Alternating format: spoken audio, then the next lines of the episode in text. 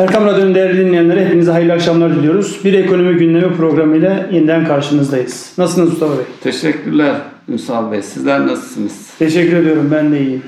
Şimdi hareketli bir günün arkasında ekonomi programı yapmak nasıl bir şey? Dün Merkez Bankası çoktan beri beklenen e, kararını para politikası kurulu olarak e, açıkladılar ve e, enteresan sonuçlar oldu. Bu enteresan sonuçların e, yansımalarına da bakacağız. Öncesinden kısmen biraz satın alınmıştı. Malumunuz Merkez Bankası Başkanı değiştiğinde arkasından bakan istifası ve yeni bakan atamasından sonra Cumhurbaşkanı'nın da açıklamalarıyla beraber 8.50'lerde olan döviz 7.70'lere, e, 7.80'lere kadar gelmişti. Dolar, Türk lirası için söylüyorum. E, bu açıklamadan sonra 7.50'ye çok yaklaştık. İşte bugün de 7.50 ile 60 arasında biraz aşağıda biraz yukarıda devam ediyor. Borsa hakeza e, bir önceki gün yani iki önceki gün olumsuz bir şey çıkar düşüncesiyle bir sert satış yemişti. Sonra toparlandı. Dün de karardan sonra e, çok yüksek işlem hacmiyle e, piyasada yani insanların en azından bir e, olumlu bir hava oluşmasına vesile oldu. Bundan sonrası ne olur? Şimdi herkesin düşündüğü o. Önce kararı bir yorumlayalım. Bu karar neydi? Nasıl bir şeydi? Piyasa dostu olmak ifadesini karşıladı mı? Çünkü yapılan açıklamalarda hep e, vurgulanan konu piyasa dostu olunacak. Bundan sonraki süreçte piyasaların beklentisine öngörülebilir olmakla alakalı bir bakış açısı vardı. Buyurunuz. Ee, şimdi daha öncesine baktığımız zaman Merkez Bankası faiz konusunda e, bir takım farklı pencerelerle zaten farklı fiyatlar uyguluyor idi. Ee, geç likidite penceresine baktığımızda zaten 14'ün üzerindeydi ve artık onunla işlem yapılır hale gelmişti. Yani e, Merkez Bankası zaten tedricen daha önceki şeylerde e, politikasıyla e, faizi artırmıştı. E, fiiliyatta da artırmıştı. Onlardan 13 ve e, 14'lere kadar gelen bir faiz vardı. Bunu da Merkez Bankası diğer pencereleri, e, bankalar arası e, piyasaları değişik e, elindeki araçları kullanarak sıkılaştırmayla yapmıştı. Şu anda Tabi yorumlara baktığımız zaman gerçekten 4.75'ten 0.25 puan artırdı yorumu da var. Onu da görmek lazım ama bu alınan karar Merkez Bankası'nın özellikle sadeleştirme e, yönünde attığı ciddi bir adım olarak görmemiz gerekiyor. Evet şu an yapılan bütün yorumlarda onu görüyoruz. Özellikle e, piyasada yani hangi orandan ne yapılacağı konusundaki kafa karışıklığı büyük ölçüde giderilmiş gözüküyor. Özellikle tek fiyatın uygulanması yani geç de olsa erken de olsa piyasanın algıladığı ve uyguladığı oranın biraz üzerinde bir şey var. Enteresan olan e, piyasa bu kadar yüksek beklentiye rağmen özellikle yabancı yorumlarında enflasyonu da düşünerek hala reel olarak e, Türk lirası kaynakların ya da işte Merkez Bankası'nın belirlemiş olduğu bu oranların hala yatırımcıları cezbetmediği gibi bir yorum da gördüm. O e, biraz can sıkıcıydı. Yani 4.75 arttırıyorsunuz ya da 475 bas puan arttırıyorsunuz. Ama hala birileri işte 17 olsun, 16.50 olsun, reele geçin, net reelde e, artıya geçin gibi yorumlar var. Bunlar bitmeyecek anladığım kadarıyla bu şeyler ama şu an piyasanın özellikle bizim açımızdan en önemli başlık olan döviz fiyatlamasının geri gelmesi.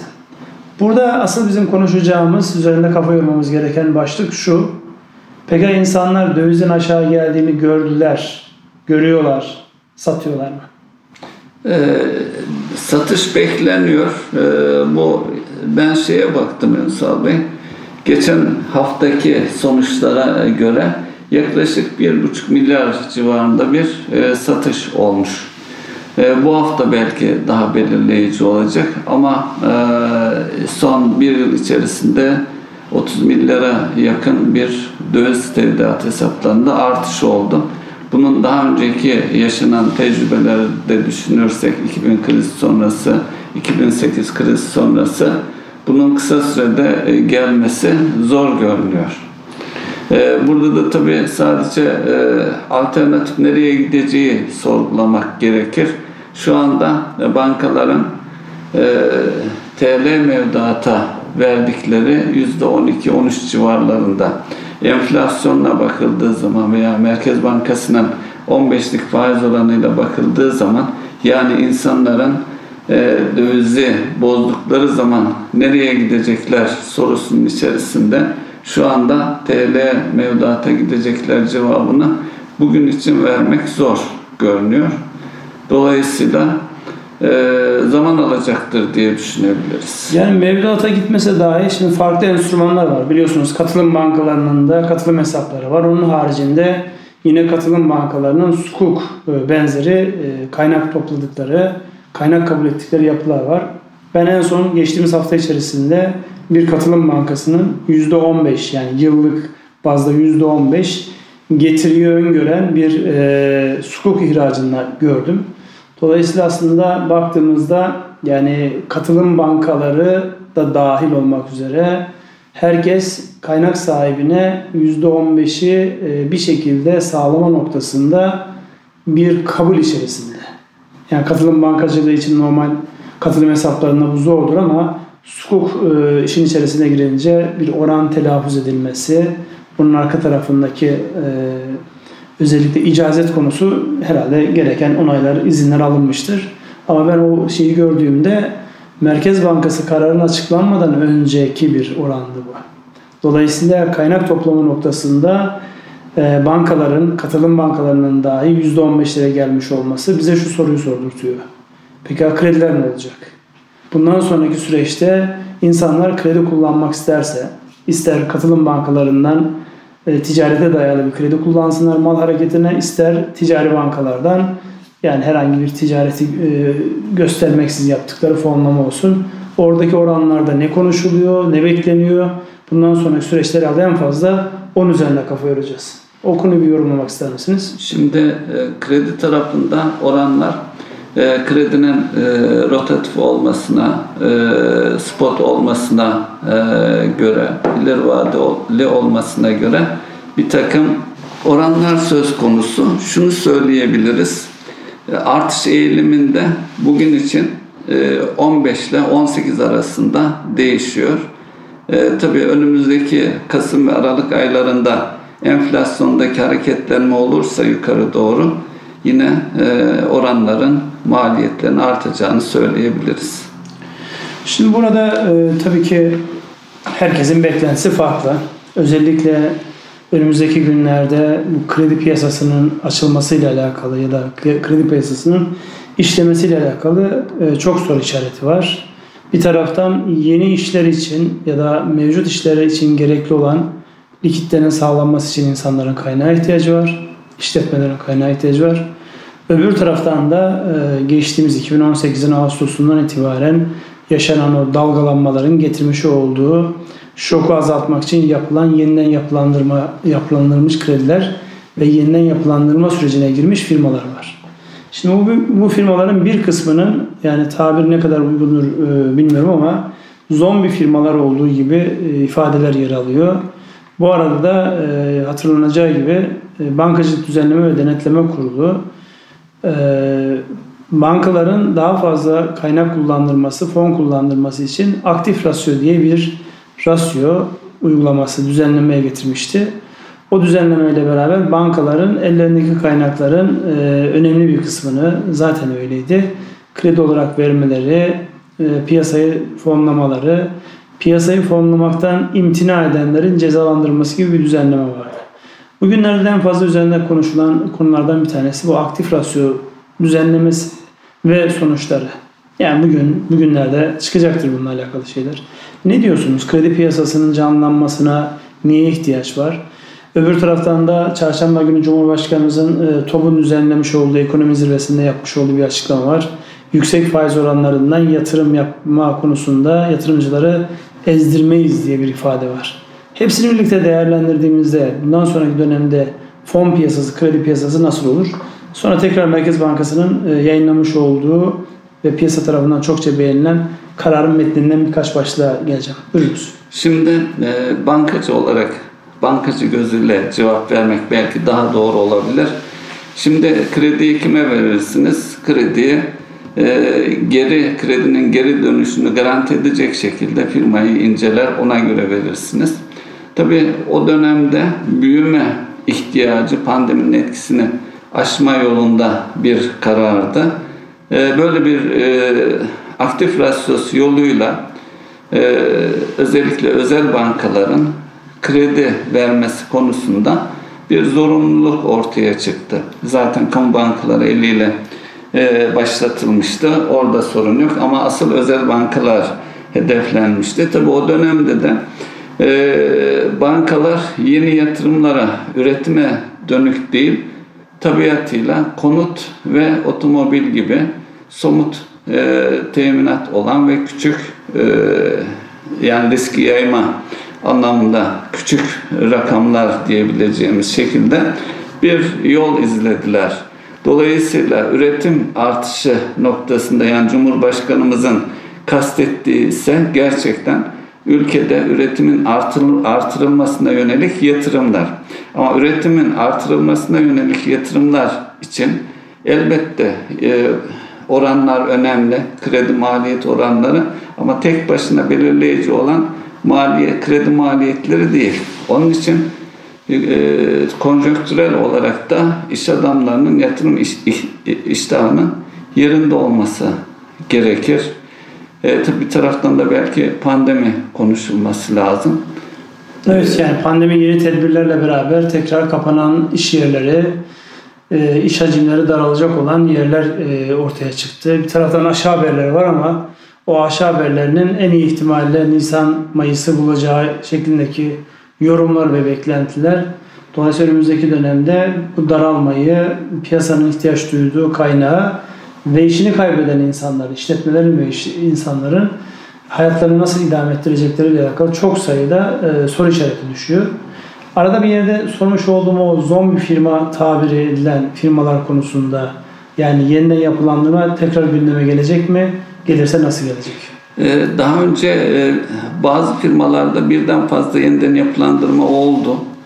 E, o firmalar e, var olduğu söyleniyor ama bu bir korku olarak duruyor. Çünkü şu an itibariyle bu firmalar hayatiyetini sürdürüyor. Yeniden yapılandırıldı. Kredilerin vadesi uzatıldı.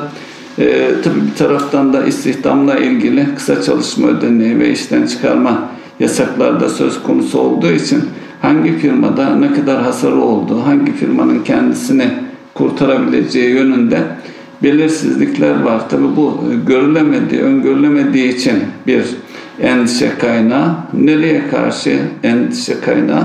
Bankalar üzerinde endişe kaynağı. E, bankalar finans sektörü zaten tüm ekonomiye e, hitap ettiği için e, bu belirsizlik duruyor. E, zaman içerisinde e, hatırlayacak olursak bu zombi firmalara yönelik e, kötü kredileri alacak, üstlenecek banka kurulması tartışmaları da olmuştu ama o tartışmalar herhangi bir sonuç doğurmadan bugüne kadar geldik. Şimdi dünya finans e, piyasalarında uygulanan bazı metotları yani ifade olarak gündeme geldi. Fakat onların hayata geçmesi bir onlara ayrılacak kaynak. İkincisi ayrılan o kaynakların daha önceden hatırlarsanız varlık yönetim şirketleri vardı. Bankaların tahsil edemediği, tahsil etmek için harcadıkları emekle e, tahsil edecekleri arasında onların o büyük organizasyonların aleyhine bir durum olduğu için varlık yönetim şirketlerine devredilen alacaklar vardı. Bu külliyatlı da bir rakam. Ara ara duyarız işte X bankası evet. şu kadar alacağını e, sattı, şu kadar alacağını sattı. Yani 100 birimlik alacağı varsa onu 10 birime, 15 birime satarak daha düşük. Daha düşük. Birim, Bunların birim. çoğusuna karşılık ayrılmış artık. Tahsil edilme imkanı yok. Öteki firmalar niye alıyor bunların? Daha manevra kabiliyeti yüksek. Farklı pazarlık şansları var ve insanların kesinlikle borçlarından kurtulma imkanını sağlayan bir süreç. Orada yani %5 ile devraldıysa e, varlık yönetim şirketi %10'luk kısım yani borcunun %10'undan tamamından kurtulma şansını veren bir düzenlemedir o. O da kendi içerisinde farklı açılımlar. Yani bankaların yapamadığı şeyi varlık yönetim şirketleri rahatlıkla legalize ettiler yani. Türkçesi evet. Onu aynı şeyi banka da yapar. Yani sildim, geçtim, gittim. Artık kimseden alacağım yok diyebilir. Fakat oraya devrettiği yandan itibaren o firmayla e, borçlu olan firma arasındaki süreç başlıyor. O da çok böyle e, keyifli bir süreç değil, rahatsız edici bir süreç. Çünkü Yani netice itibariyle ödediğinin her kuruş üzerindeki kar olduğu için çok agresif davranıp bankalardan daha can yakıcı olabiliyorlar orada. Evet. O da bir bilgi olarak bir köşede yer alsın. Hatta şu da söylenebilir. Ee, özellikle küçük e, bireysel kredi, kredi kartı gibi alacaklar e, ödeme sıkıntısına girmiş vatandaşların unuttuğu bir anda e, bu varlık yönetim şirketleri kapıya dayanabiliyor. O da ayrı bir Evet işte bir düzenleme yaparken orada e, yani geniş kitleleri olumsuz etkileyecek tamam hep borç ödemek asıldır. Ama borcunu hangi gerekçeyle ödemediği, onu işte pandemiyi kim öngörebilirdi ki burayla alakalı çıkabilecek olan borçların ödenmesiyle alakalı insanlar yani keyfi keder bir şey değil. Mecburiyetten kaynaklanan bir hadise. Onunla alakalı da yaklaşımın e, daha insaflı olması gerektiği konusunda biz de bir hatırlatıcı unsur olarak belirtmiş olalım. Burada e, temel e, yaklaşım şu. Piyasaların kaynağı ihtiyacı var ama yapılandırılmış krediler var. Yeni yatırım konusunda şu anki maliyetler yüksek. Yurt dışından kaynak girişi noktasını bir değerlendirmemizi istiyorum. CDS'ler ne oldu? Piyasa şu an ne tarafa doğru şey yapıyor? CDS dediğimiz şey ülkenin risk primi. Yurt dışına baktığımızda bunun şu anki görünümü nedir? O konuda biraz yorum yapmak ister misiniz? Sadece geçen hafta e, Merkez Bankası Başkanı'nın değişmesi ve bakanın istifasıyla başlayan süreçte herhangi bir hareket olmadığı halde e, 500'ün üzerindeyken 400'lü puanlara geldi. Şu anda da 380 e, civarında e, bir şey var. Bu da ülkemizin risk e, riskinin azaldığı yönünde bir e, sonucu var. Bu e, daha da aşağı gelmesi inşallah gelir. Bu şunu doğurur. Daha önce de toplam şeyde programlarımızda zikretmiştik. Dünyada faiz oranlarının dip yaptığı bir süreçteyiz. Bazısı negatif sıfır hatta 16-17 milyar dolar trilyon dolar seviyelerinde e, negatif e, nemalandırılan bir kaynak var. Bu kaynakların e, bizim gibi ülkelere gelmesi bekleniyor. Bunun için de gerekli olan gelen kaynağın geldiği zamanki e, geldiği ve gittiği zaman ne kazanıp gideceği konusunda bir öngörülebilirlik olması önemli. Yine e, e, önemli holdinglerimizden birinin başındaki arkadaşla konuşmamda eğer 6 aylık bir süreçte biz e, bu öngörülebilirlik noktasında mesafe kat edebilirsek e, o kaynakları yüzde bir, yüzde iki seviyelerinde e, bir maliyetle ülkemize çekme ve planladığımız yatırımları yapma fırsatını bulacağımıza eminim e, gibi yorumlar var gerçekten. Yani aktör olarak dikkate alırsak karar vericiler noktasında. Evet yani burada e, havanın olumlulaşması ki burada en önemli unsur özellikle yine siyasilerin yapmış olduğu açıklamalarda yargı reformu ve yapısal reformlardan bahsediliyor. Yargı reformu konusunda bazı adımların atıldığı, yani çalışmaların yapıldığı, piyasadaki özellikle e, bu yeniden yapılandırma, vergilerle alakalı yeniden yapılandırma, bununla alakalı biliyorsunuz bir kanun, e, torba mevzuat içerisinde bir kanun çıktı. Ondan biraz bahsederseniz ben de e, yine e, zamanımız kalırsa Merkez Bankası'nın yapmış olduğu açıklamadan bir şey var. Enflasyonla alakalı bir başlık var. Oraya değineceğim. Böyle. Şimdi kamu alacaklarının yapılandırılmasıyla ilgili bir düzenleme çıktı bu hafta içerisinde. E, beklentilerle birlikte değerlendirmekte yarar var. Şöyle ki Ağustos itibariyle tahakkuk etmiş borçları kapsıyor bu düzenleme. Beklenti e, tahakkuk etmemişlerin de işin içerisine girmesi yönünde. Bunun farkı nedir diyecek olursanız şu anda daha önce e, kredi borcu e, pardon vergi borcu diğer kamu alacaklarını herhangi nedenle ödememiş olanlara sağlanan bir kolaylık. Yani gecikme zammı ve faiz noktasında %90'a varan e, silmeler söz konusu. Bu daha önce de yapılmış ve ülkemizdeki e, yapısal problem olarak zikredeceğimiz, zikredeceğimiz konulardan bir tanesi. E, tahsil edilemeyen alacakları tahsil etmek için yapılması gereken bir adım mı? Evet. Ama onun yanı sıra e, bunun yanı sıra pandemiyi de gözeterek diğer edimini her türlü koşullara rağmen yerine getirmiş firmalara da bir destek anlamında onun da dahil edilmesi bekleniyor idi. E, çeşitli tarihler var. E, bizi dinleyenler açısından e, söylemek gerekirse son başvuru tarihi 31-12 e, yani bu yıl sonuna kadar başvurmak başvurudan itibaren de ilk ödemeyi 2 ay sonra 2 ay içerisinde yapma zorunluluğu var. E, taksitler 2 aydan 18 aya kadar değişiyor. Eğer taksit olursa e, enflasyon oranı kadar bir artış da söz konusu olacak yeni yapılandırma ile ilgili. Dolayısıyla bizim burada e, tavsiyemiz e, bizi dinleyenler açısından firmalarımızda bu durumda olan e, varsa yani kredisinde, sigorta prim ödemesinde e, temerrüde düşmüş olanlar varsa bu fırsatı yılbaşına kadar değerlendirebilmesi için e, muhasebecileriyle, mali müşavirleriyle konuyu görüşmelerinde yarar var diyebiliriz. Evet. Yani bu arada diğer trafik e, cezalarından tutun geniş kapsamlı bir düzenleme. 500 milyar TL civarında bir rakamdan bahsediliyor. Yeniden yapılandırılacak rakamdan bahsediliyor. Tabii e, daha önceki süreçlerde de biliyorsunuz benzer konular gündeme geldiğinde bir matrah artışıyla alakalı bir özellikle top zirvesinde gündeme gelen bir hadise var. Yani matrah artışıyla e, bir vergi affı ya da buna benzer bir şeyin yapılmasıyla alakalı bir beklenti var. Anladığım kadarıyla henüz daha o e, gündeme gelmedi. Yani torba kanun içerisinde böyle bir beklentinin de olduğu en azından dün itibariyle zirve ve zirve sonrasında yapılan değerlendirmeler böyle bir başlık var.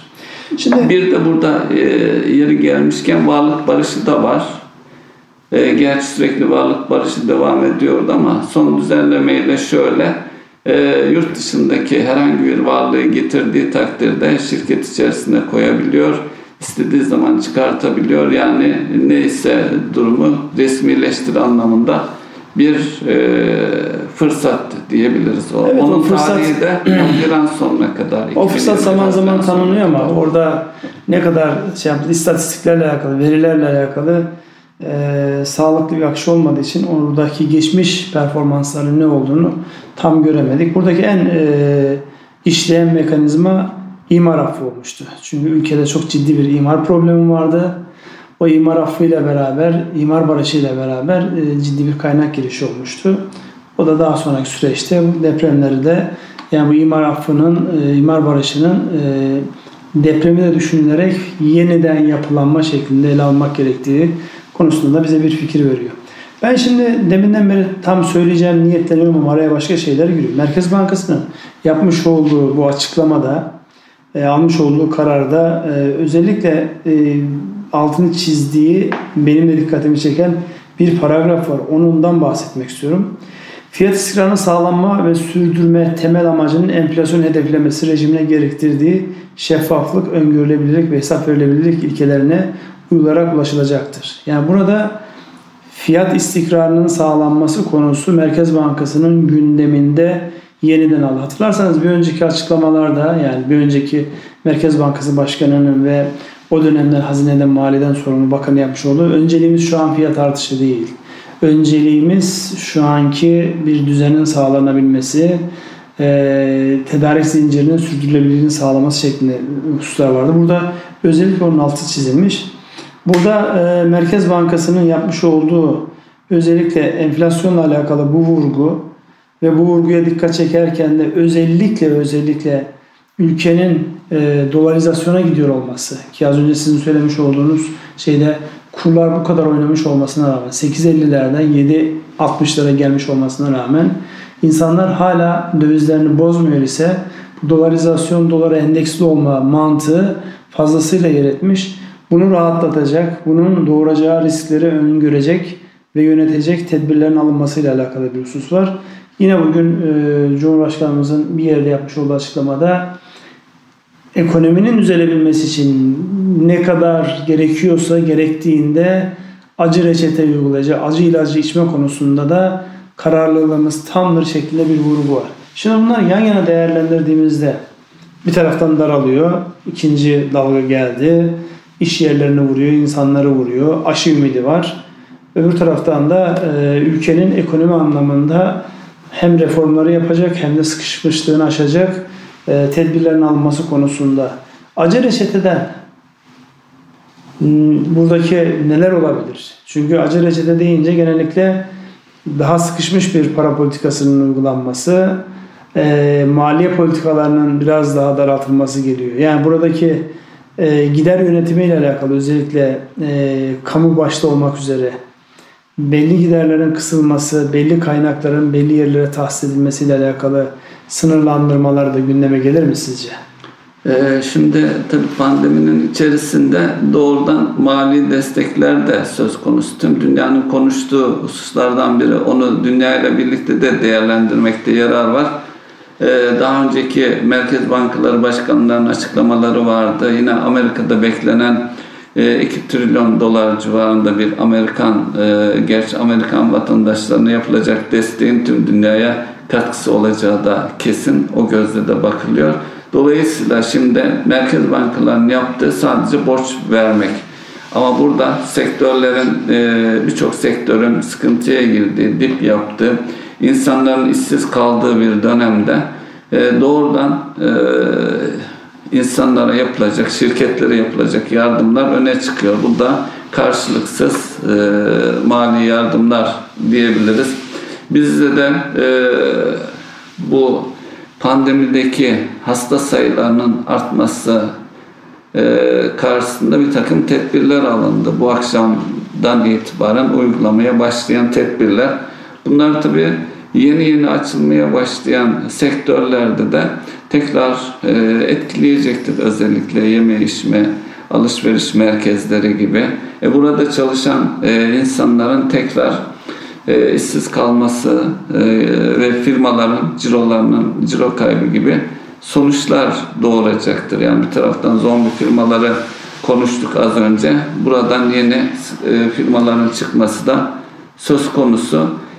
Belki mali açıdan doğrudan verilecek destekler önemli. Şu anda işsiz olanlara verilen 1000 küsür lira, 1300 civarında bir rakam var sanıyorum. Bunun e, geçinmek için e, yeterli olmadığı yönünde yakınmalar da var. Onlara yönelik de herhangi bir tekrar bir paket açılır mı? belki ihtiyaç var. Tabi bu arada bütçeyi de düşünmek lazım. Gelecek yılın bütçesi düşünülüyor. E, son e, ay itibariyle e, bütçede 4 milyarın üzerinde bir açık söz konusuydu. Yani bütçeyle birlikte değerlendirilmesi gereken bir konu ama acil ve elzem olan bir konu. Şimdi burada yani bu tedbirler sadece bizde alınan değil, dünyada bir taraftan geçmişten gelen uygulamalarını ve stratejik yaklaşımlarını devam ettiriyorlar. Yani herkes tedbir alıyor. Özellikle bu Biden'ın başkanlığının netleşmesi Ocak ayında e, sonuna doğru netleşecek. Ondan sonra 3 trilyon dolarlık bir e, yardım paketinden bahsediliyor. Çünkü demokratların aynı zamanda e, senato tarafında da kuvvetli olmaları bu anlamda ellerini kuvvetlendiriyor. Zaten Trump döneminde hatırlarsanız 2.2 trilyon dolarlık bir yardım paketinde biraz mutabakat vardı. Sonra seçim sonrasına bırakıldı. Seçim sonrasında bu rakam arttı. 3 trilyon dolar gibi bir rakam ulaştı. Dolayısıyla Amerika başta olmak üzere bütün ülkeler ekonomilerini canlandırmak için uğraşıyorlar. Avrupa Birliği'nde bu anlamda hareketlenmeler devam ediyor. Bir de sizinle bu yayına girmeden önceki konuştuğumuz bir başlık var. Asya Pasifik e, Ticaret Anlaşması. Yani e, yaklaşık 15 tane ülkenin 2012'den beri başlayan müzakere sürecinde şu an geldikleri noktada anlaşmalar sağlandı ve ortaya devasa bir yapı çıkıyor. Yani baktığımızda e, dünya nüfusunun çok önemli bir kısmı eğer Hindistan girmiş olsaydı daha önemli olacaktı. Hindistan son anda Çin'le olan e, müzakerelerden çekildiği için giremedi. Ama Hindistan'ın olmadığı yapıda bile dünya nüfusunun 2.1 milyarının içinde bulunduğu ve küresel gayri safi yurt içi hasılanın da %30'unu işleyen bir ticaret anlaşması. 15 ülke. Kimler var burada? Büyükleri sayalım.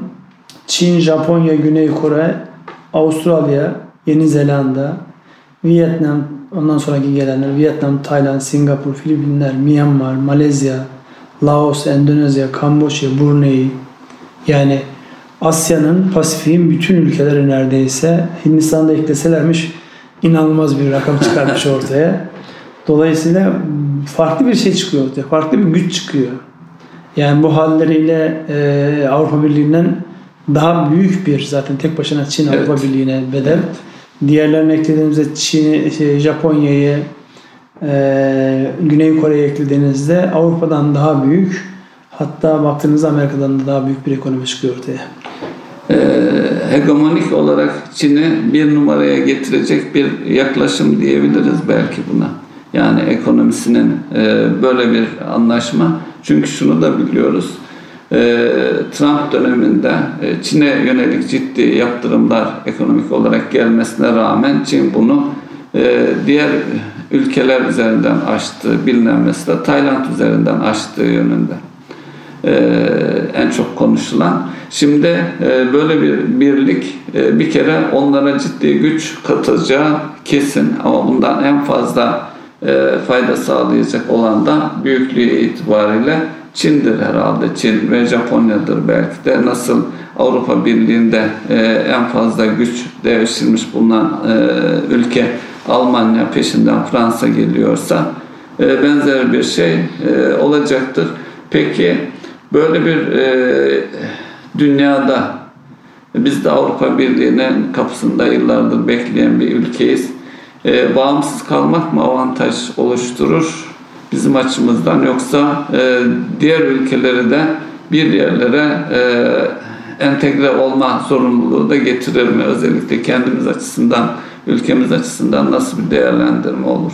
Şimdi bu anlaşmaya baktığımızda özellikle haritanın e, yani batıya göre doğu kısmında neredeyse istisnası olmayan e, bütün ülkelerin dahil olduğu bir yapı kurgulanmış. Böyle bir yapı Evet. var. Dolayısıyla e, bizim böyle bir yapının içerisine girmemiz bu mesafeden. Çünkü arada Pakistan, e, Hindistan, Pakistan, İran yani sınırımız olmadığı için bu yapının içerisine bu hale Coğrafi uzaklık var. Coğrafi imkansızlık var. Buna karşılık asıl e, buna önlem alması gereken yer Avrupa. Çünkü bu bir adım sonrasında yani yukarıda Kazakistan Rusya ile anlaştıklarında Moğolistan'ı, Kazakistan'ı, Rusya'yı dahil ettiklerinde bütün doğu olduğu gibi oraya kayacaktır. Hatırlarsanız farklı bir oluşumda vardı. Şangay Beşlisi vardı. Evet. Çin ve Hindistan ikisi de vardı. Dolayısıyla bunu değerlendirdiğimizde farklı yapılanmalar oluyor. Yani biz bu yapının içerisine girmeli miyiz? Girersek ne elde ederiz? Ama öbür taraftan Çin'in zaten bir kuşak yol projesi içerisinde Türkiye'nin içinde bulunduğu çok geniş bir hareket alanı var. Pakistan zaten şu an büyük ölçüde Çin'in kontrolünde.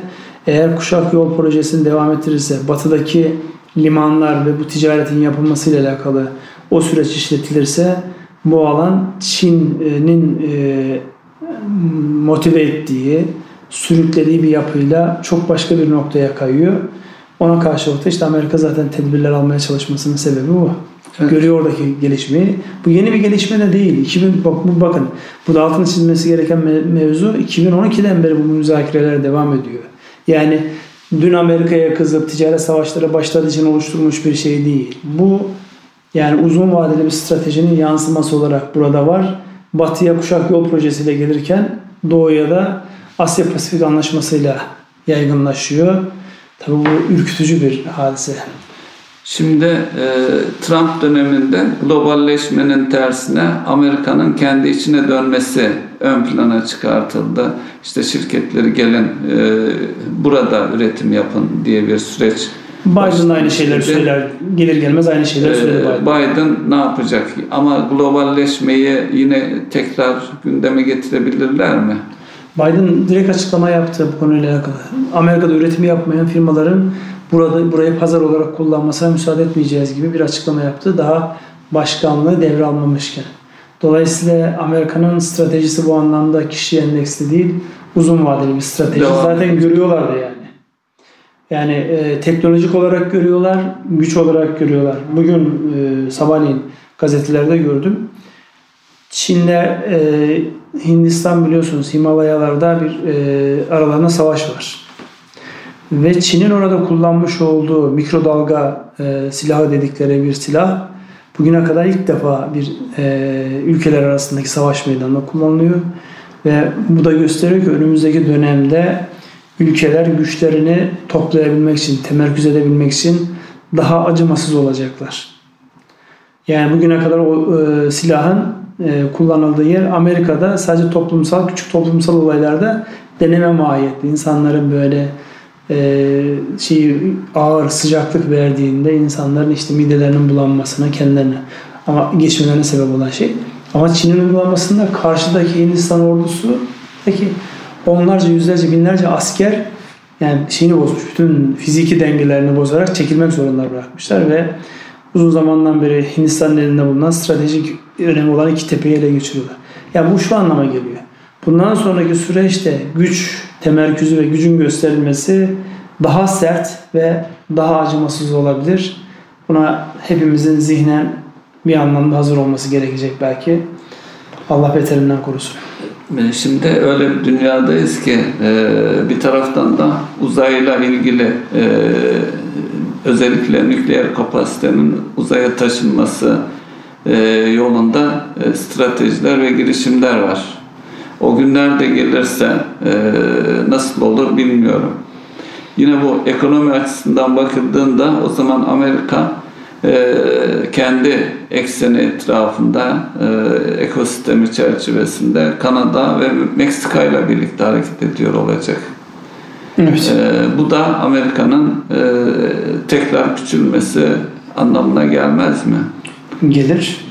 E, bir taraftan da en büyük askeri güç ona karşılık da Rusya'nın ciddi bir askeri gücü var. E, Rusya baktığımızda da ekonomik açıdan bakılırsa o da daha çok puzzle'larını gösterecektir herhalde çevresine. Şimdi bu e, farklı bir şey. Yani bizim aslında özellikle son dönemde Azerbaycan-Ermenistan ilişkilerinde yani biraz ekonomiden çıkıp uluslararası şey giriyoruz ama siyaset, ekonomi, ilişkiler bunların hepsi aslında özünde ekonomi ve bir güç gösterisiyle alakalı.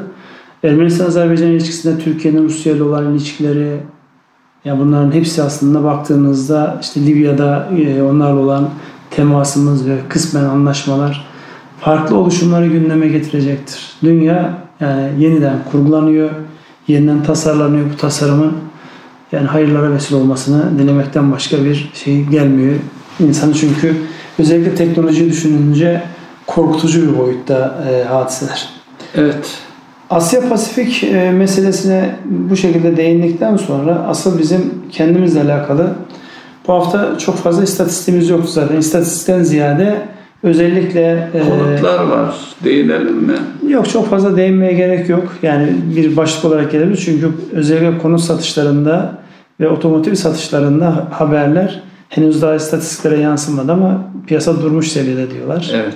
İkinci el otomotiv o fiyat artışları bankalarında fonlamaması sebebiyle otomatik olarak kendi kendine vuran, kendi kendini yiyen golem etkisi yapan, kendisini aşağı çeken bir şey oldu.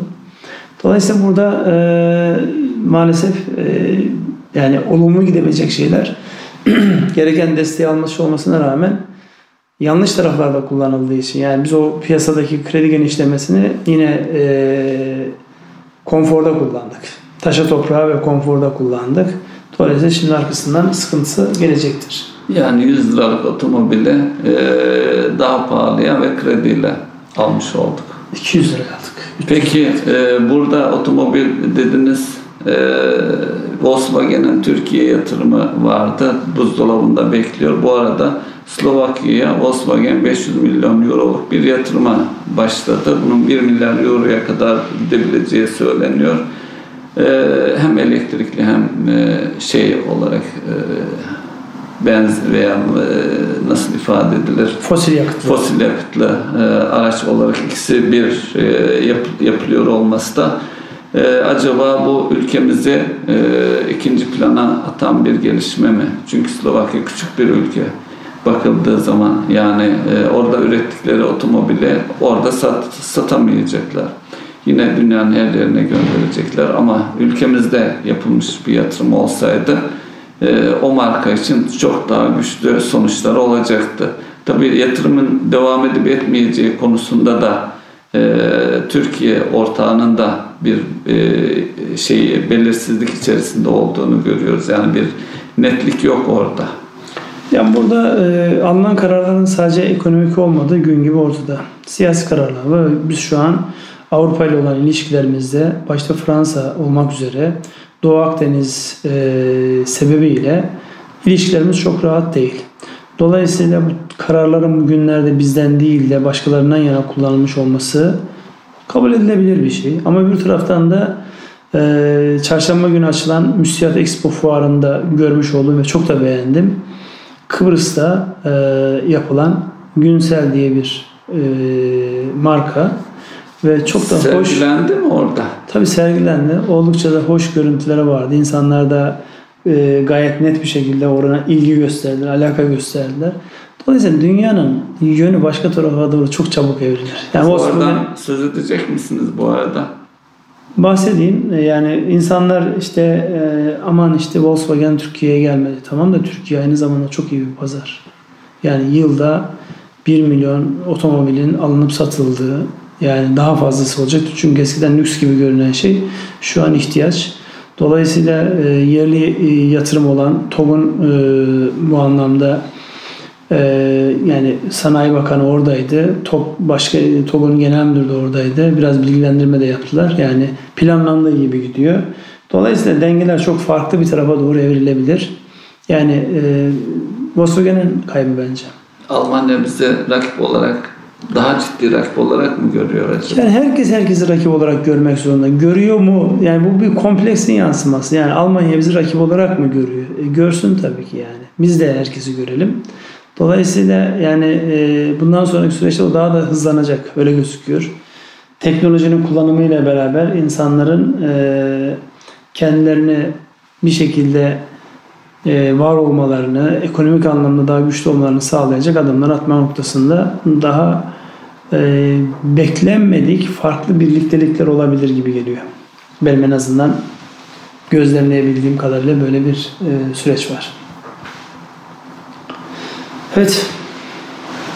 Konuşacağımız e... o konutlar konusuna isterseniz girin. Madem istatistik olarak var onlar dediniz. Şöyle geçen ay e, yani Eylül'ü kastediyorum. 136 bin, 137 bin seviyelerinde bir satış varken e, Ekim ayında 120 bin seviyelerinde yaklaşık bir satış olmuş. E, bir azalma söz konusu e, şey olarak. Burada da bir en önemli belirleyici husus kredilerdeki azalma. Tabii kredilerdeki azalma ipotekli satışlara baktığımız zaman yine bir önceki ay 35-36 bin seviyelerindeyken 25 bin ne seviyelere gelmiş. Tabii bu arada oranların da yükseldiğini ifade edelim. Ee, bir azalma söz konusu. Yani konut ama şu var, şunun e, tes, e, teslim etmekte yarar var. E, konut da birikmiş stok seviyeleri e, neredeyse tamamen satıldı diyebiliriz. Ve yeni ihtiyaçlara göre yeniden bir e, talep e, doğacaktır. Bu arada yapı izin istatistiklerine belki bakmakta yarar var. E, yüz ölçümüne göre e, artışlar söz konusu. 2019'da e, 181 iken şimdi 368 e, seviyelerine gelmiş. E, hele hele son İzmir depremine düşünürsek e, onunla birlikte yani 6,5 milyon civarında yenilenmesi gereken bir konut stoğunun yenilenebilmesi için yani şu an geçen yıl olarak bakarsak 400 binli bir rakamlarda konut üretimi yani ancak 15 yılı 15 yılda yenileyebiliriz. Halbuki bu büyük riski taşıdığımız sürece konut sektörünün her halükarda e, canlılığını koruması, orada yatırımların, yapı izin, izinlerinin ve firmaların yeni konut üretimi için e, teşvik edilmesi demeyelim de uygun e, şeyin koşulların sağlanması elzem diyebiliriz. Evet. Yani önümüzdeki dönemde farklı gündemlerle konut piyasası şey yapacak ama bankacılığın desteklemediği bir konut piyasasının biliyorsunuz çok gelişme şansı yok. Tabi orada bankacılık destekler derken oranların makul seviyeleri yani konut edinecek konut ihtiyaç sahiplerinin aylık ödemelerini rahatlıkla yapabilecekleri bir e, finans maliyetine erişmeleri gerekir ki o da kesinlikle aylık yüzde birin hatta 0.70-0.50 civarında bir oran diyebiliriz daha önceki tecrübelere. Kısa vadede mümkün görünmüyor yani bugün Ee, yarına. işte enflasyona bağlı, enflasyonun geri Politika, gelmesiyle. politika şeyi belli. Belirlenen Merkez Bankası'nın açıkladığı oran belli yani. %15 yani kaynak maliyeti varken bu dönemde o konuda çok fazla iyimser olmamak icap eder. Ee, neyse göreceğiz. Hep beraber göreceğiz. Evet. Evet bu arada e, süremizin sonuna geldik görünüyor. E, ilaveniz var mı herhangi bir şey? Ee, önemli hususları konuştuğumuzu düşünüyorum. En önemli başlık burada e, Merkez Merkez, Bankası. Bankası'nın yapmış olduğu açıklamalar ve o açıklamalar çerçevesinde piyasaların özellikle e, kısa vadeli para piyasalarında ve sermaye piyasalarındaki e, olumlu yansımalar. Biz de o olumlu yansımaları büyük ölçüde gördük ama kalıcı olabilmesi için herkesin beklentisi, bizim de beklentimiz diğer verilen yapılacağı söylenen şeylerin yapılacağı ile alakalı net adımların atılması. Önümüzdeki günlerde de ee, odağımızı, gündemimizi bu belirleyecek. Erkan Radyo'nun değerli dinleyenleri, bir ekonomi gündemi programının daha sonuna geldik. Ee, dilimizin döndüğünce anlatmaya çalıştık. Hepinize hayırlı akşamlar diliyorum.